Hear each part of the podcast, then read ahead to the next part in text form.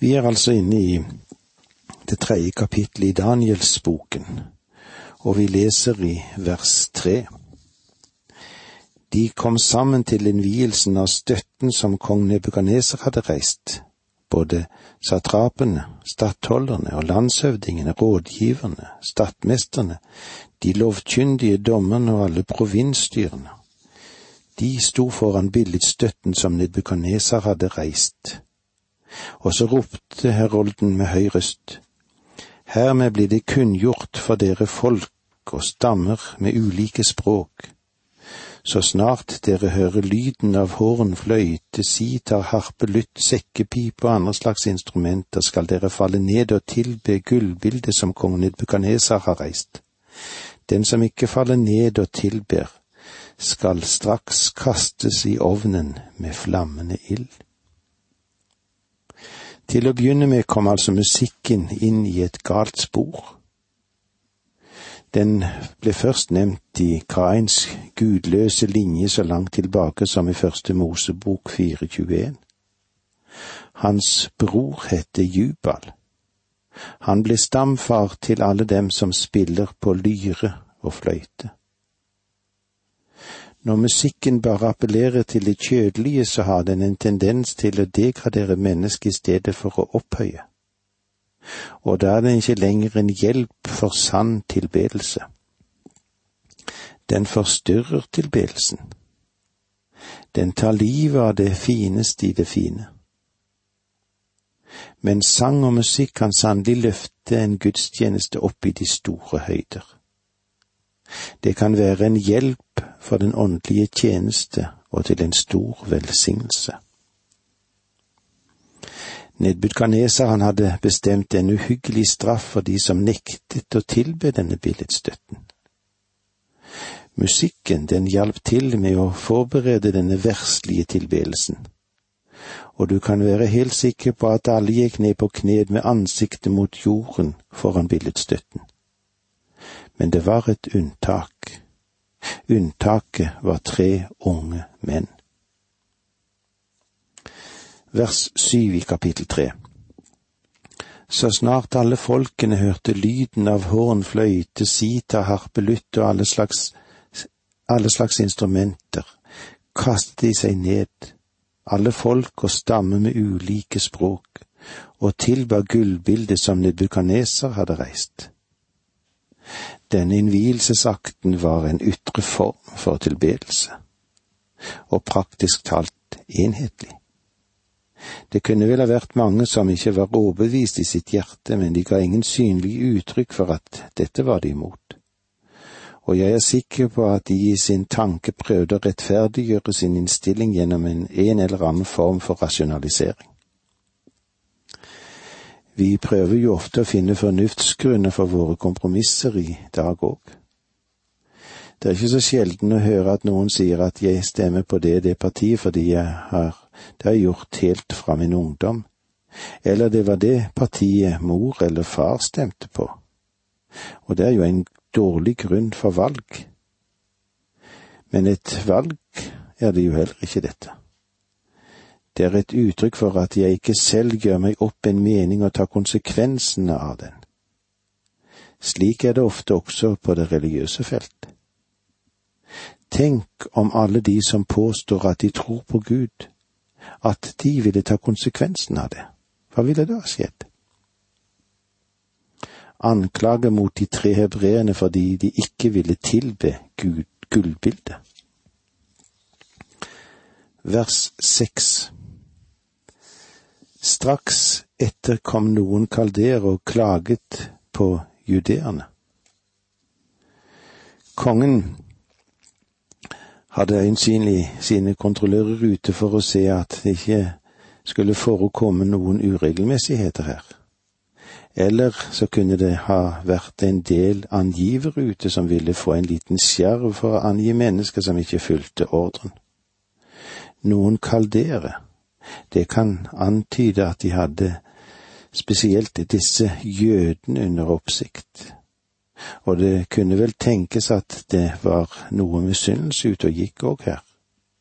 Så kalderene, av den grunn hadde fått motvilje mot det. Men de eneste jødeerne som var involvert denne gangen, det var de tre hebraiske ungguttene, det som blant annet Nebukadnesers hadde tatt og valgt ut som embetsmenn. De andre jødene som var i fangenskap og som ikke hadde noen lederrolle, var ikke til stede under denne seremonien. Vers ni til tolv De tok til orde og sa til kong Nedbudkaneser, Kongen leve evig. Konge, du har gitt påbud om at enhver som hører lyden av horn, fløyte, sita, harpe, lytt, sekkepipe og alle andre slags instrumenter skal falle ned og tilbe gullbildet, og at den som ikke faller ned og tilber, skal kastes i ovnen med flammende ild. Det er noen judere her som du har satt til å styre provinsen Babylon. Sadrak, Mesjak og Abednego disse mennene bryr seg ikke om ditt påbud, konge.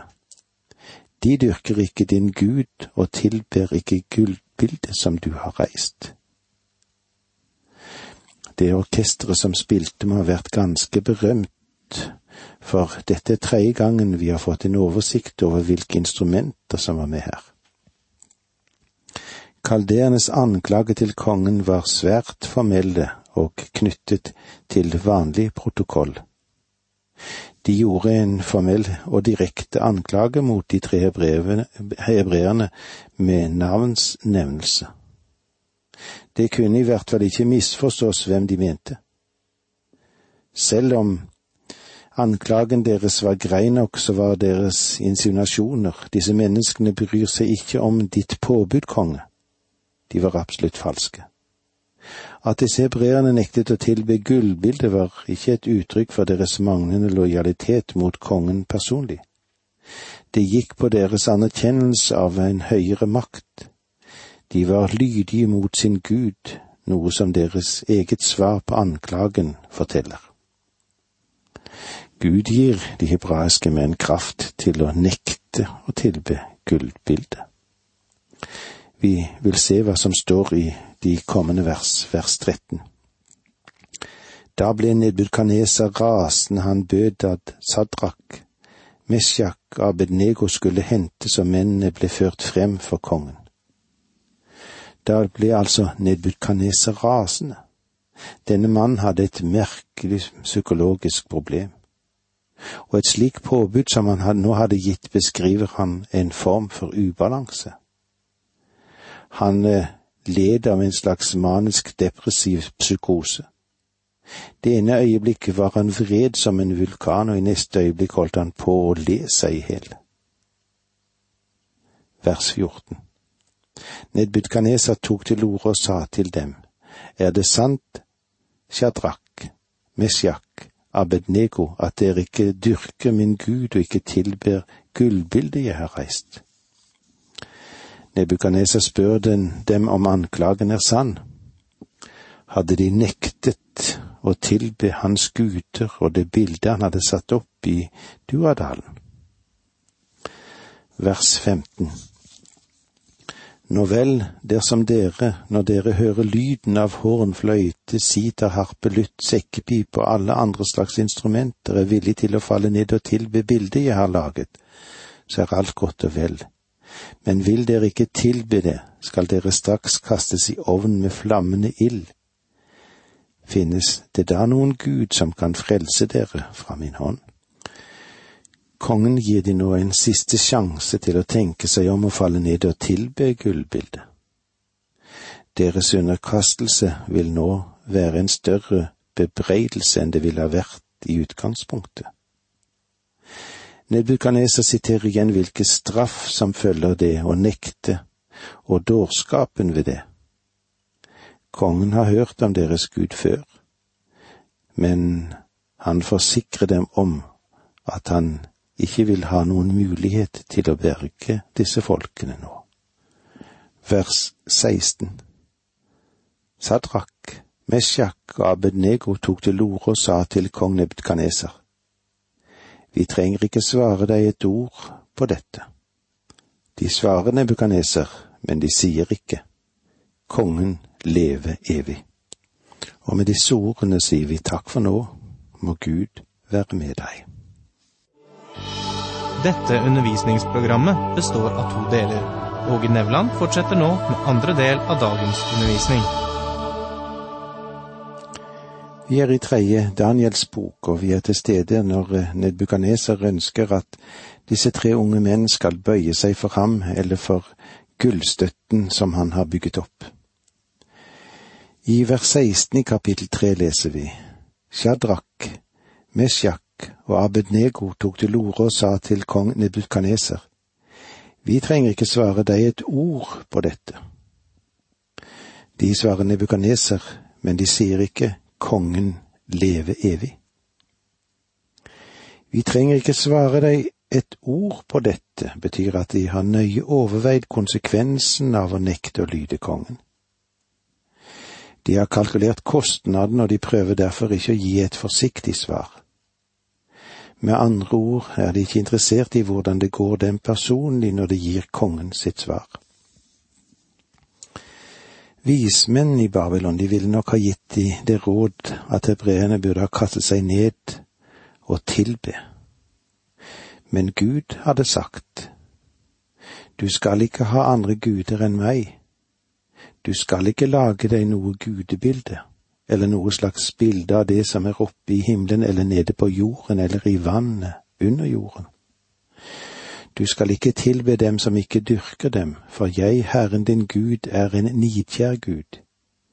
Jeg lar straffen for fedrenes synd komme over barn i tredje og fjerde ledd, når de hater meg, men jeg viser miskunn i tusen ledd mot dem som elsker meg og holder mine bud. Slik står det i Annen Mosebok 20, versene 3 til 6.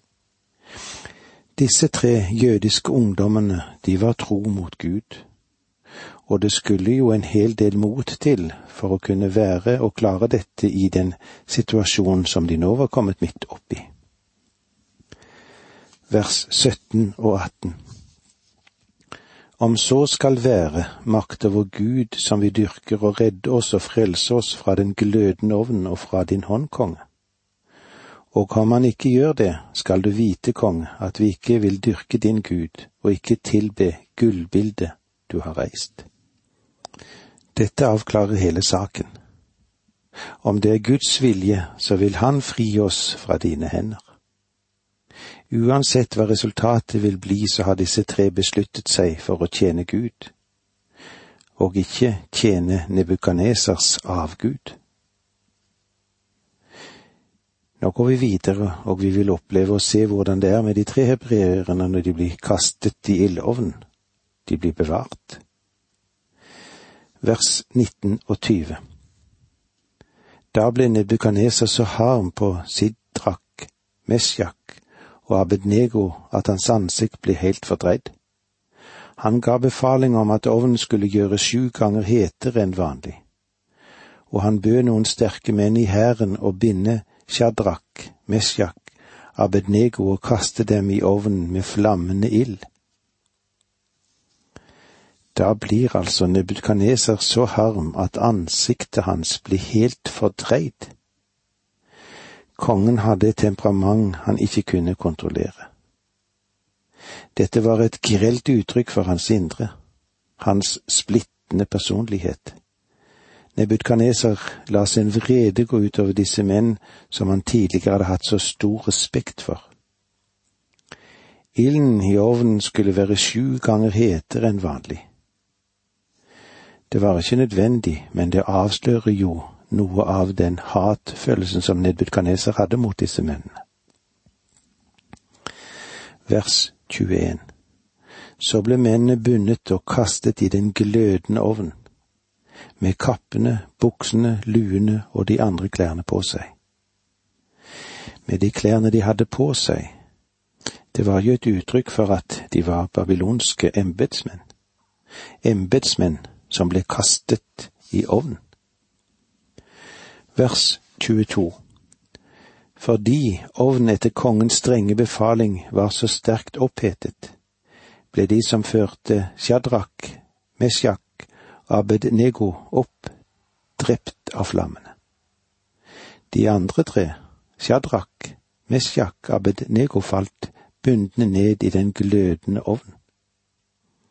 At eh, de som førte de tre hebreerne bort til ovnen og skjøv dem utenfor, de ble drept. Det er et uttrykk for hvor sterk varmen var. Vers 24 og 25. Da ble kong Nebukadneser forferdet. Han reiste seg brått og sa til sine rådsherrer.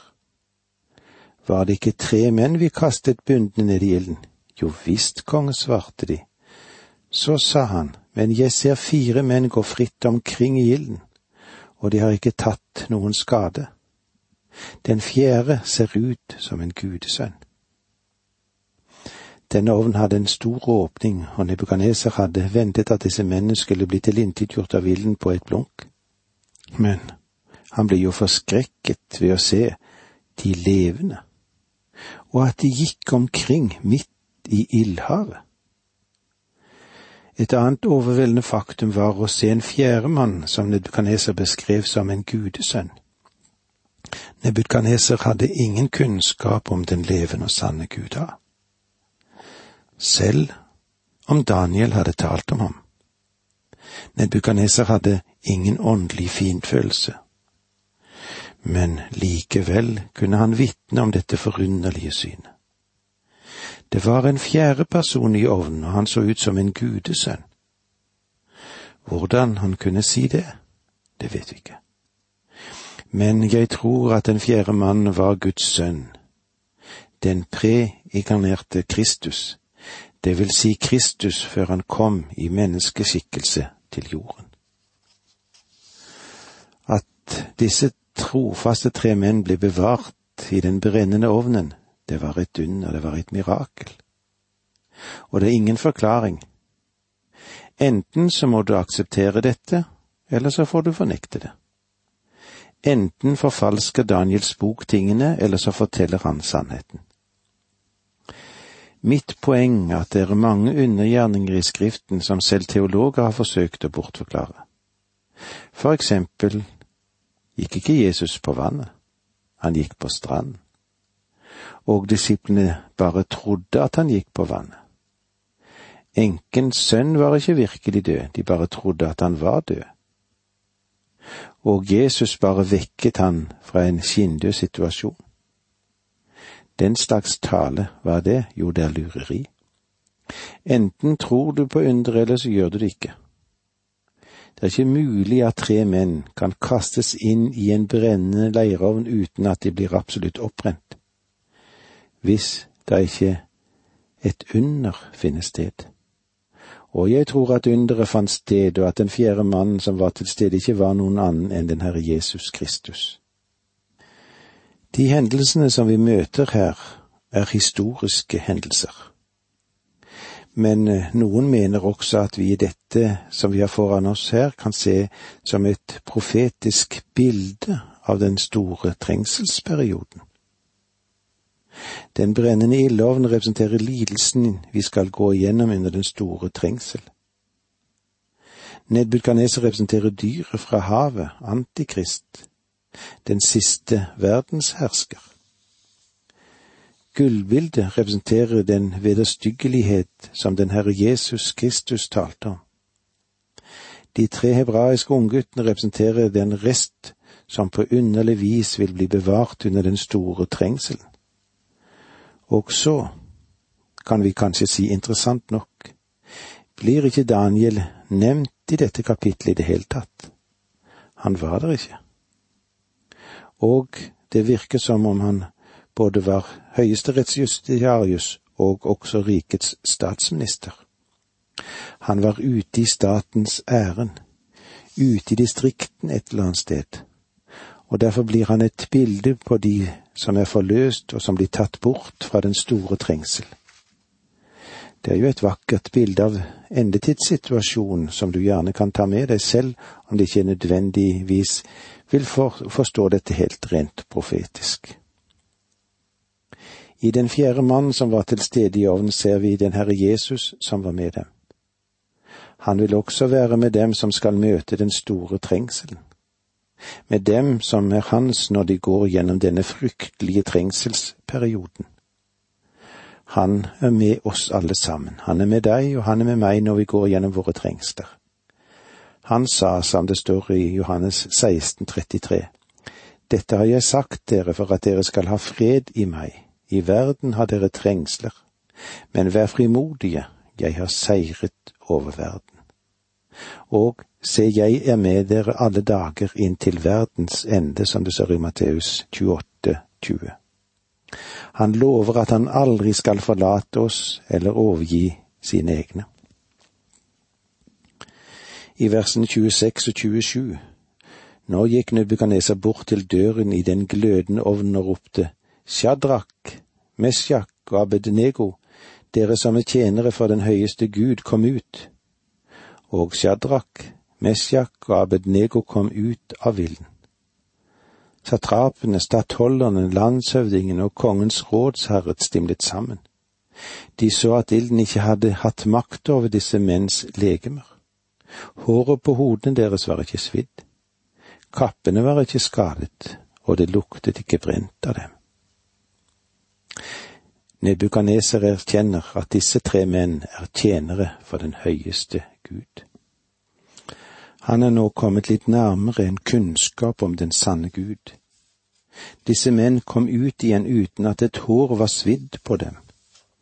Ja, det luktet ikke engang av dem, hverken røk eller at de var svidd. Dette er en klar undergjerning, et mirakel. Takk for nå må Gud være med deg.